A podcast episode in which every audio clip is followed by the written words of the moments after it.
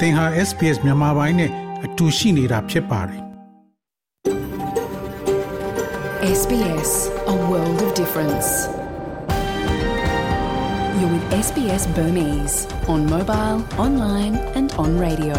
mobile online နဲ့ radio ပေါ်မှာသင်ဟာ SPS မြန်မာပိုင်းနဲ့အတူရှိနေတာဖြစ်ပါတယ်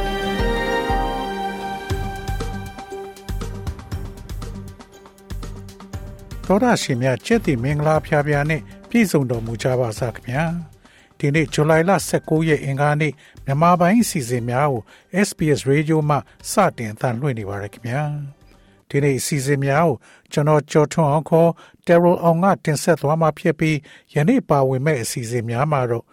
KNI ဒုက္ခသည်စခန်းကနေဩစတြေးလျကိုရောက်လာတဲ့အငယ်တန်း Matilda ဘလုံးအသင်းမှာရွေးချယ်ခံရတဲ့ Silver Bell Morris ရဲ့ဖခင်ကို မေးမြန်းထားက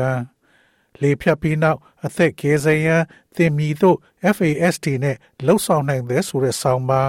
တန်ရွယ်ခက်ကပေးပို့ထားတဲ့ Democracy ရှာခီးချမ်းကຫນွေဦးအာဇာနည်များဆိုတဲ့သတင်းဆောင်ပါတို့ဖြစ်ပါတယ်ဒီနေ့ကောင်းကြီးပိုင်းသတင်းတွေကတော့ Omicron version အသစ်နဲ့ကိုခန့်စွမ်းအားမြန်မာသတင်းသမားဖန်စီထောင်ချမှုရပ်တန့်အောင်လှုံ့ဆော်ပေးဖို့ကုလကိုတောင်းဆိုရိုဟင်ဂျာတွေကိုနေရပြန်ပို့ပေးဖို့ဘင်္ဂလားဒေ့ရှ်ကကမ္ဘောဒီးယားကိုအကူအညီတောင်း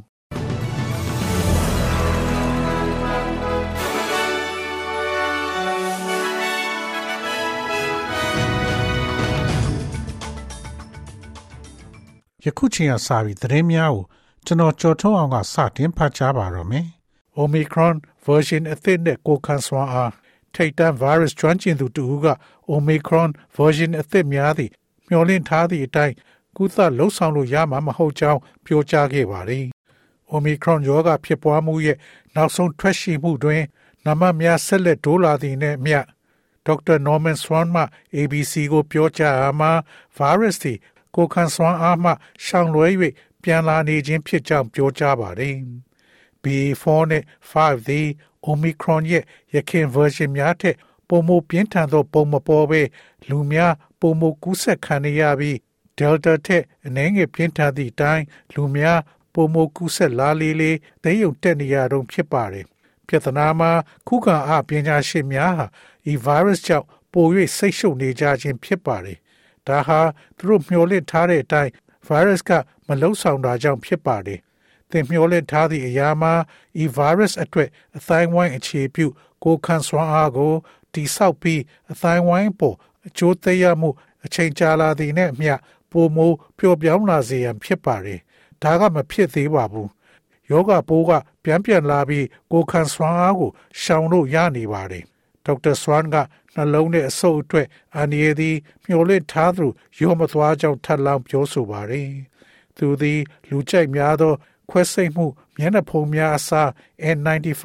မျက်နှာဖုံးကိုအသုံးပြုရတိုက်တွန်းနေပါတယ်။ပြီးခဲ့တဲ့ရက်သက်တစ်ပတ်ကချမ်းပါရေးဝန်ကြီး Mark Butler ကလာမယ့်ရက်သက်တစ်ပတ်အနည်းငယ်အတွင်းမှာဖြစ်ပွားမှုသံပေါင်းများစွာ ရှိနိုင်ကြောင်းပြောကြားပါတယ်။ယနေ့တွင် New South Wales ချမ်းပါရေးဌာနအရ လွန်ခဲ့တဲ့24နာရီအတွင်းကူးစက်မှုအသစ်13544ခုရှိပြီး Victoria မှာတော့12202ရှိတယ်လို့အစီရင်ခံခဲ့ပါတယ်။မြန်မာသတင်းသမားဖမ်းဆီးထောင်ချမှုရပ်တန့်အောင်ကုလလှုံ့ဆော်ဖို့တောင်းဆိုမြန်မာနိုင်ငံမှာသတင်းထောက်တွေကိုဖမ်းဆီးထောင်ချနေပြီးပြစ်ဒဏ်ချမှတ်နေတာတွေကိုရပ်သွားအောင်လုပ်ဖို့ ကုလသမဂ္ဂတာဝန်ရှိသူတွေကိုနေစည်းမခြားသတင်းသမားများအဖွဲ့ RSF ကတောင်းဆိုလိုက်ပါတယ်။အမျိုးသမီးအလွတ်တန်းသတင်းထောက်တူဖြစ်တဲ့မငင်းငင်းအေးကိုမေဘယ်ကိုရန်ကုန်မြို့အင်းစိန်ထောင်အတွင်းစစ်ကောင်စီတရားရုံးကပြီးခဲ့တဲ့ဇူလိုင်လ14ရက်ကရာဇဝတ်မှုဥပဒေပုံမှန်905ခနဲ့ထောင်ဒဏ်3နှစ်ချမှတ်ခဲ့တဲ့ပေါ် RSF ကပြစ်တင်ရှုံချလိုက်ပါတယ်။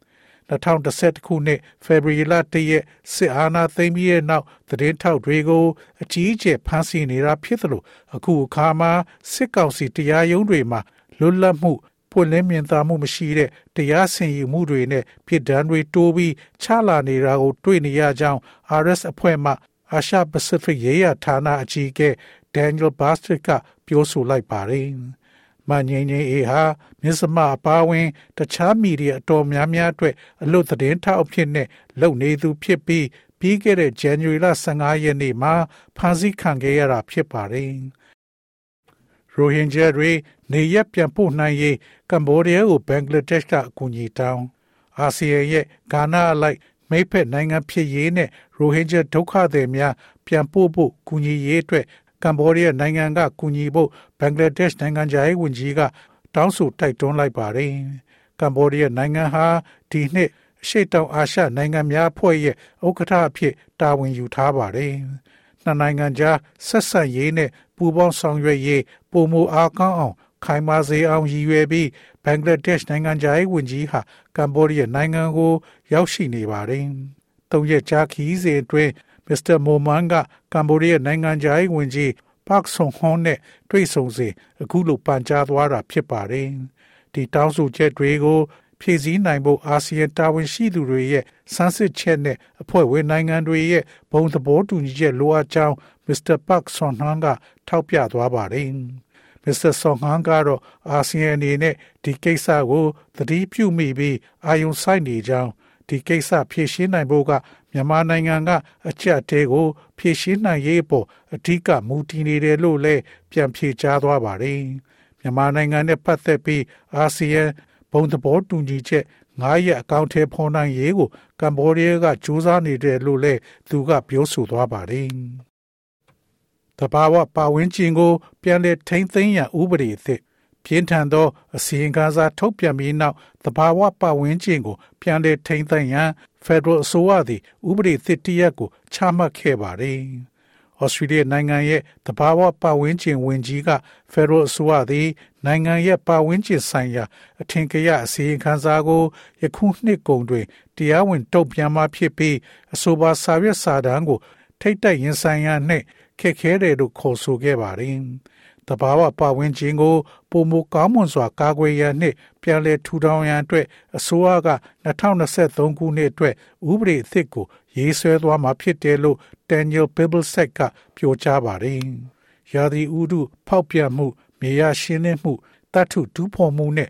လေထုညဉ့်ညမ်းမှုတို့အပါအဝင်ဩစတြေးလျနိုင်ငံရဲ့ဇာတိမြေများကိုမိကဲ့သို့ပျက်စီးနေကြောင်းအစီရင်ခံစာကမိမောင်းထိုးပြခဲ့တယ်လို့သူမကဆိုပါတယ်။ ဒါကထိတ်တက်ရင်ဆိုင်ဖတ်ရှုနေချိန်မှာပဲဩစတြေးလျနိုင်ငံသားများသည်အမှန်တရားကိုသိဖို့လိုပါတယ်။ဩစတြေးလျသည် အခြားတိုက်များထက် mammal နိုးတိုက်သတ္တဝါမျိုးစိတ်များမျိုးသုံးပြောက်ွယ်သွားကြောင်းကျမတို့သိသင့်သိထိုက်ပါတယ်။လောင်ကျွမ်းနေသောနေရာများကိုကပ်ဘေးမီးများဖြင့်အန္တရာယ်ဖြစ်စေသည့်နေရာများနှင့်အတူချင်းချောက်ခံနေရသောအတိုင်းဝိုင်းများ20ရာခိုင်နှုန်းတိုးလာကြောင်းကျမတို့သိပါတယ် မြမဗဟိုဘဏ်နိုင်ငံခြားငွေထိန်းချုပ်မှုကရဲ့အခြေခံစားကုန်နဲ့လူသုံးကုန်စည်တက်ပြည်ရမှာ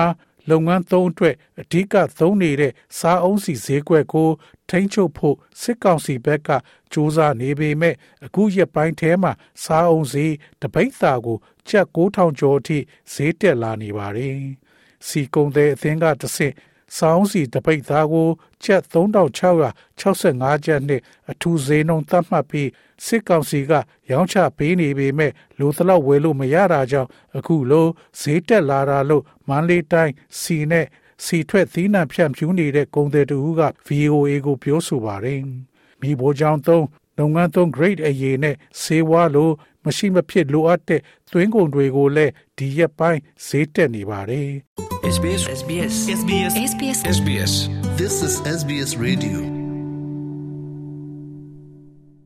ငွေလဲနှုန်းမှာတော့ Australian dollar ကိုမြန်မာကျပ်ငွေ1281ကျပ်ရရှိပြီး American dollar ကိုမြန်မာကျပ်ငွေ1853ကျပ်ရရှိပါတယ်။ Australian dollar ဟာ American 68ကျပ်နဲ့ညီမျှပါတယ်။ မနေ့ဖြန်ဩစတြေးလျတိုက်မှာရှိတဲ့မြို့ကြီးများရဲ့မိုးလေဝသခန့်မှန်းချက်ကတော့ဆစ်ဒနီမြို့မှာအပူချိန်16ဒီဂရီစင်တီဂရိတ်ရှိမှဖြစ်ပြီးမိုးရွာသွန်းမှဖြစ်ပါတယ်။မဲလ်ဘန်မြို့မှာအပူချိန်73ဒီဂရီစင်တီဂရိတ်ရှိမှဖြစ်ပြီးနံနက်ပိုင်းနေသားမှာဖြစ်ပါတယ်။ Brisbane မြို့မှာအပူချိန်16ဒီဂရီစင်တီဂရိတ်ရှိမှဖြစ်ပြီးမိုးရွာသွန်းမှဖြစ်ပါတယ်။ Perth မြို့မှာအပူချိန်20ဒီဂရီစင်တီဂရိတ်ရှိမှဖြစ်ပြီးမိုးရွာသွန်းမှုတိုးမြင့်လာမှာဖြစ်ပါတယ်။ Adelaide မြို့မှာအပူချိန်14 degree centigrade ရှိမှဖြစ်ပြီးမိုးတိမ်သားများအနည်းငယ်ရှိမှဖြစ်ပါတယ်။ Hobart မြို့မှာအပူချိန်17 degree centigrade ရှိမှဖြစ်ပြီးနေသားမှဖြစ်ပါတယ်။ Canberra မြို့မှာအပူချိန်73 degree centigrade ရှိမှဖြစ်ပြီးမိုးတိမ်သားများအနည်းငယ်ရှိမှဖြစ်ပါတယ်။ ဒါဝင်မြို့မှာအပူချိန်30 degree centigrade ရှိမှဖြစ်ပြီးနေသားမှဖြစ်ပါတယ်။ဤတွင်သတင်းများကိုကြီးညာလို့ပြီးပါပြီခင်ဗျာ။